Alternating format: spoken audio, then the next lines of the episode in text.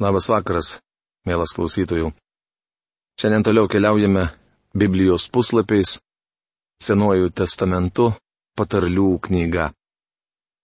Šiandien apžvelgsime 17 šios knygos skyrių.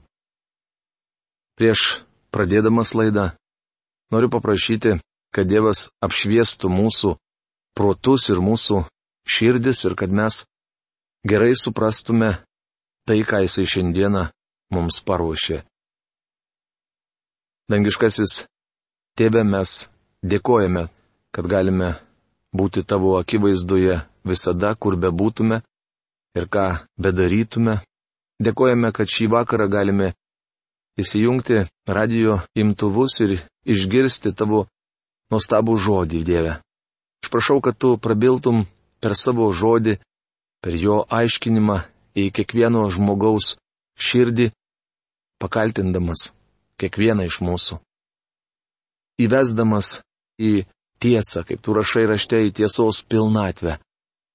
Kad kiekvienas iš mūsų galėtume pamatyti save tokius, kokius tu matai mus. Ir dėkojame tau, kad tavo žodis, tavo žodžio dvasia gali mums tai apreikšti.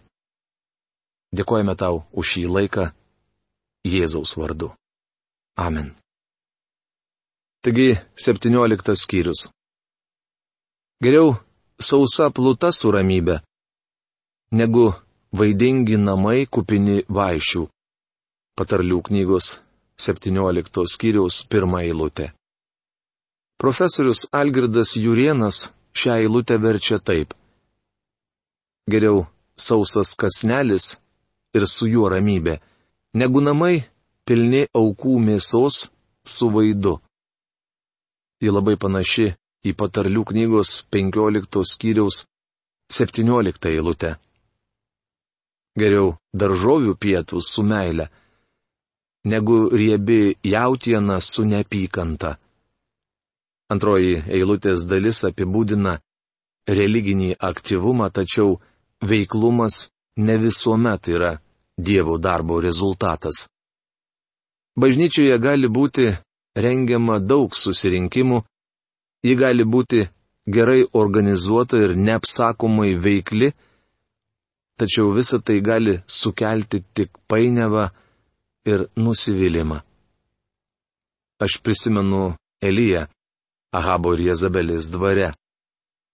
Ahabo rūmose buvo daug įvairios veiklos, net ir religinės, tačiau iš tikrųjų visa tai neturėjo nieko bendro su Dievu. Įžengęs pas karalių, Elijas pareiškė, jog krašte nebus lietaus, kol Dievas netars žodžio, o jis to daryti nelinkęs. Tuomet apsisuko ir išėjo. Kur? Ogi prie atokaus kerito upelio, kur jis ilgą laiką buvo vienas su Dievu. Dievas mokė šį vyrą nuo šalioje dykumoje. Geriau sausa pluta su ramybė. Egipto faraono rūmose netruko religinės veiklos. Tačiau Dievas išvedė Mozę iš rūmų ir mokė jį Midijano dykumoje.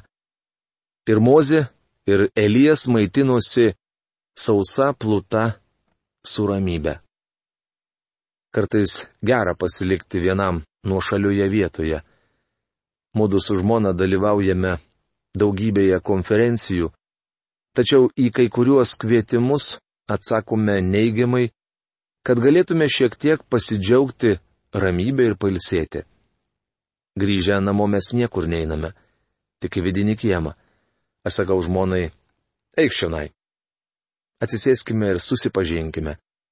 Mes jau ilgą laiką vedę. Ir tokios akimirkos padeda man geriau tave pažinti. Tai naudingas laikas. Dievas nori, kad mūsų gyvenime būtų tokių akimirkų. Jos labai svarbios ir teikia dvasinę atgaivą. Sumanus tarnas valdys nemokšą sūnų ir dalysis paveldų kaip vienas jo brolių. Patarlių knygos 17 skyriaus antra eilutė ištikimas tarnas geresnis už neištikimą sūnų. Geriau turėti tarną kuriuo gali pasitikėti, negu nepatikimą sūnų. Skaitydamas šią patarlę prisimenu Abraomą ir jo ištikimą tarną Eliezerą, o taip pat Dovydą bei jo sūnų Apšalomą. Abromas sakė viešpačiui, kad Eliezeras yra jo vienintelis įpėdinis ir kad jis trokšta turėti sūnų, taip užrašyta pradžios knygos 15 skyriaus antroje eilutėje. Jis mane, jog daug geriau turėti sūnų. Ir Dievas išpildė jo prašymą. Tačiau jei sūnus nepatikimas, koks buvo apšalomas, atvirai sukilęs prieš savo tėvą Dovydą, tuomet iš tiesų geriau turėti ištikimą tarną. Beje, Dovydas turėjo daug ištikimų, jį palaikančių žmonių. Lidikla sidabrui, krosnis auksui, o širdį išbando viešpats. Patarlių knygos 17 skyriaus 3 eilutė. Kaip atsiranda grinas sidabras? Iškasta rūda dedama į lydimo katilą ir kaitinama tol, kol metalas ištirpsta. Tuomet visa, kas nereikalinga, galima pašalinti. Panašiai grininamas ir auksas jis kišamas į krosnį, o nešvarumai pašalinami.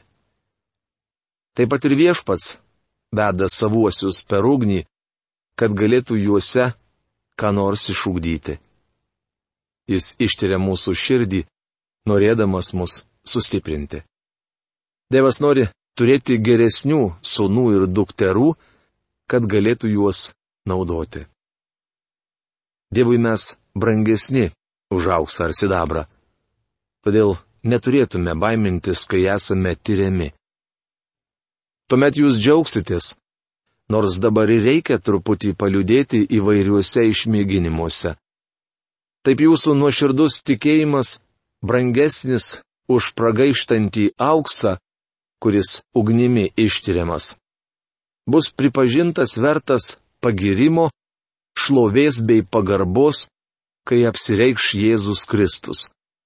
Rašoma pirmame Petro laiške, pirmame skyriuje, šeštoje, septintoje eilutėse. Dievas tikslingai leido Jobui pereiti per negandų liepsnas. Jis ne šiaip savo davė Pauliui dyglį kūnę. Kankinimų laikotarpis bažnyčios istorijoje taip pat buvo Dievo plano dalis. Iš tikrųjų, persekiojimai stiprino bažnyčią. Ji niekada nebuvo tokia dvasinga, kaip tuo laikotarpiu. Manau, šiandien viena iš krikščionių bėdų yra perteklius.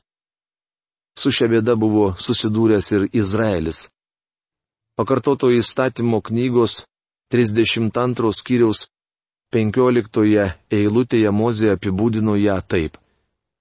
Ješurūnas nutuko ir spardėsi, nutukai, tapai apkūnus ir išpurtęs. Jis paliko Dievą, kuris jį padarė, ir tyčiojosi iš savo išganančios uolos. Bijau, kad šiandien taip pat yra daug nutukusių šventųjų. Jie turi viską, tačiau skundžiasi, kaltina ir kritikuoja kitus. Tokie žmonės nieko nepasitarnauja Kristaus reikalui. Taigi Dievas turi įkišti šventuosius į krosnį, kad išugdęs juos galėtų naudoti. Aš gavau vienos ponios laišką, kuri meldėsi, kad galėtų geriau pažinti viešpatį Jėzų, aukti malonę ir jo pažinimu. Ką padarė viešpats? Ogi leido jai susirgti vėžiu. Kas nors galbūt pasakys, Dievas negalėtų to padaryti. Bičiuli, kartais jis tai daro. Pamokslininkas, kurio dabar klausotės, žino, ką sako. Aš žinau, kodėl Dievas man siuntė vėžį.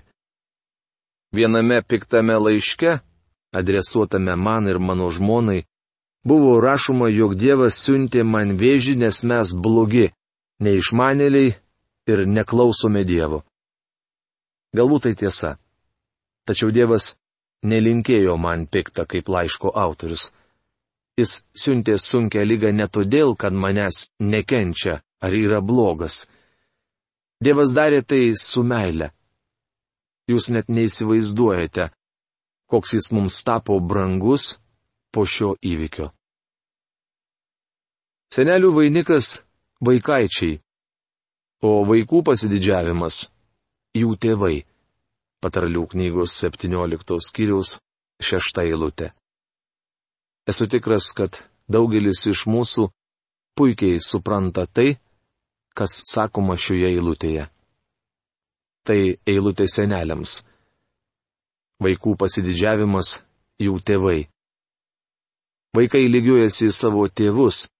Aš visuomet buvau dėkingas už dukrą, kurį mylėjo ir gerbė savo tėvą. Mes visuomet rasdavome bendrą kalbą, nors jos temperamentas panašus į manąjį. Ji greit praranda savitvardą. Kartais mes pratrūkstame, tačiau vėliau aš einu pas ją arba ji pas mane. Mes visuomet susitaikom tą pačią dieną. Tačiau senelių vainikas vaikaičiai. Patarlėje sakoma tiesa. Esu senas, turiu vaikaičių. Kalbėdamas apie juos galėčiau įkirėti jums iki gyvo kaulo. Tikriausiai girdėjote anegdotų tapusią istoriją, kaip vienas senelis klausė kito. Ar aš kada pasakojau tau apie savo vaikaitį ar rodžiau jo nuotraukas? Kitas senelis atsakė, ne, nepasakojai ir nuotraukų nerodėjai. Esu tau už tai labai dėkingas. Jei būčiau žinojęs, kokie vaikaičiai mėly, būčiau juos auginęs pirmiau negu vaikus. Jie pasididžiavimo ir džiaugsmo šaltinis. Vaikaičiai subūrė draugien šeimas. Vaikas lygiuojasi į tėvą, o senelis savo meilę atiduoda vaikaičiui. Protingą žmogų papeikimo žodis paveikia labiau negu kvailį šimtas smūgių. Patarlių knygos 17 skyriaus 10 eilutė. Kas nors pasakys, pažįstate tą vargšą poną? Jis nuostabus Dievo vaikas, bet pažvelkit, kiek jam teko iškesti. Dievas pataiso savo šventuosius. Kartais tai daro siūsdamas bėdas. Dievas treniruoja juos, nes jie protingi. Išmintingas žmogus įsiklausys į papeikimo žodį. Tuo tarpu kvailys neklauso pamokymų. Net jei Dievas suduotų jam šimtą smūgių, iš to nebūtų jokios naudos. Bedievis gali klėstėti dėl to, kad yra visiškas kvailys. Jis nenori keistis, kad ir ką Dievas jam darytų. Viešpats Jėzus pasakojo apie vyrą, kuris nugriovė savo senus klonus, norėdamas pasistatyti naujus, į kuriuos tilptų daugiau grūdų. Jis klestėjo ir plėtė savo verslą. Statytis naują klojimą nėra blogai. Liūdniausia, kad tas vyras buvo kvailys. Ne aš tai pasakiau, o Jėzus. Jis buvo kvailys, nes visiškai nesirūpino amžinybę. Viešpaties rykštė nebūtų jo pakeitusi. Didžiojo suspaudimo metu pasaulis patirs tokius kentėjimus, kad žmonės nusika savo liežuvius. Manot, kad tai privers juos atsigręžti į Dievą? Ne. Kvailys nepaliks savo kelio, net gavęs šimtą smūgių. Norėčiau dar sėki pakartoti, kad mano nuomonė mes klaidingai suprantame kalėjimų paskirtį. Kalėjimas nėra skirtas nusikaltelių ugdymui, kad jie galėtų būti gražinti į visuomenę. Galbūt kažkas ir turėtų tuo pasirūpinti. Kalėjimas visų pirma yra bausmės atlikimo vieta, o ne drausminimo įstaiga. Drausminimas reikalingas vaikams. Bausmė skirta tam, kuris įvykdė nusikaltimą. Kokia nauda iš pinigų išminčiai pirkti kvailo žmogaus rankoje, jei jis neturi proto. Patarlių knygos 17 skyriaus 16 eilutė. Aš pažinojau daug berniukų iš turtingų šeimų, kurie visiškai nenorėjo mokytis. Koledžia jiems buvo ne vieta. Nesakau, kad jie neįstengė išlaikyti egzaminų, tačiau mokslai jų visai netraukė. Aš nepritariu nuostatai, kad kiekvienas žmogus privalo turėti tam tikrą išsilavinimą. Manau, mokslas turi būti prieinamas kiekvienam. Tačiau negalvoju, kad jaunuolius reikėtų versti lankyti koledžą. Daugelis jaunų žmonių neturi tam potencialo ar noro. Tai visai nesusijęs su finansinė būklė. Kalbu apie norą mokytis. Mano įsitikinimu, galimybė mokytis turėtų būti suteikiama kiekvienam, kas to nori. Nesvarbu, ar vaikas turtingas ar vargšas. Duris jam turi būti atviros. Kita vertus, daugeliui turtingų tėvų vaikų iš viso ne vieta koledže. Aš buvau neturtingas ir dėkoju Dievui už nuostabų krikščionį tarnautoją, kuris manimi susidomėjo. Be jo pagalbos aš niekada nebūčiau įgyjęs deramo įsilavinimo. Esu dėkingas Dievui, kad jis man, neturtingam berniukui, atvėrė koledžo duris. Bičiulis visada bičiulis, bet brolis gimęs vargu dalytis patarlių knygos 17 skyriaus 17 eilutė. Profesorius Algirdo Jurieno Biblijos vertime šia eilutė skamba taip. Kiekvienu metu myli draugas, bet brolis gimsta bėdos atvejui. Tai primena mums nuostabų Davido bičiulį Jehonataną. Kiekvienu metu myli draugas. Jehonatanas mylėjo Davidą ir tuo met, kai šis grojo karaliaus rūmose ir kai gelbėdamas savo gyvybę slapstėsi nuo Sauliaus. Jehonatanas mylėjo Dovydą, nors buvo Sauliaus sunus ir sosto įpėdinis. Nuostabu turėti tokį draugą. Tas, kuris nemyli jūsų kiekvienu metu, nėra jums bičiulis. Liūdna, kai žmogus dedasi bičiuliu ir sakosi jūs mylis, bet sunkia valanda paaiškėja, jog jis visai jūsų nemyli. Jis panašus į išdavikus apšalomą ir judą įskariotą. Kas pagimdo kvailį, tas turi vargo. Avigalvio tėvui nėra džiaugsmo.